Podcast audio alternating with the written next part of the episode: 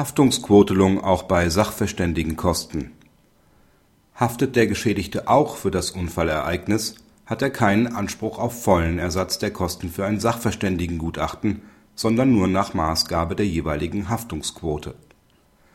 Die Klägerin beauftragte nach einem Unfall einen Sachverständigen mit der Ermittlung des Fahrzeugschadens. Das OLG Düsseldorf sprach eine Haftung von 75% zu 25% zugunsten der Klägerin aus. Dem Freistellungsantrag in Bezug auf die Sachverständigenkosten wurde ebenfalls in dieser Quote entsprochen. Das OLG setzt sich mit der teilweise vertretenen Auffassung, dass auch im Falle einer quotenmäßigen Haftung die vollen Sachverständigenkosten als Rechtsverfolgungskosten dem Geschädigten zu ersetzen seien, auseinander und lehnt diese ab. Auch die Sachverständigenkosten nehmen an der Schadensverteilung nach den § 7 und 17 StVG teil. Es kommt nicht darauf an, dass der Geschädigte auch zur Ermittlung seines begründeten Teilanspruchs den Gesamtschaden begutachten lassen muss.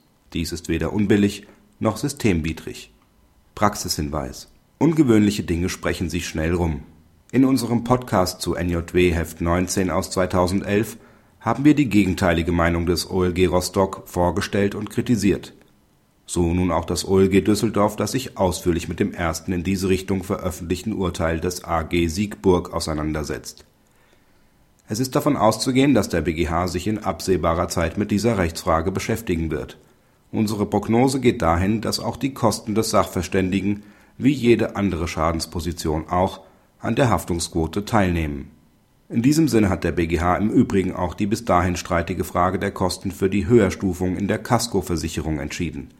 Der bearbeitende Rechtsanwalt hat daher auch wegen des vollen Kostenrisikos für die Einholung eines Sachverständigengutachtens die Frage der Haftung einer genauen Prüfung zu unterziehen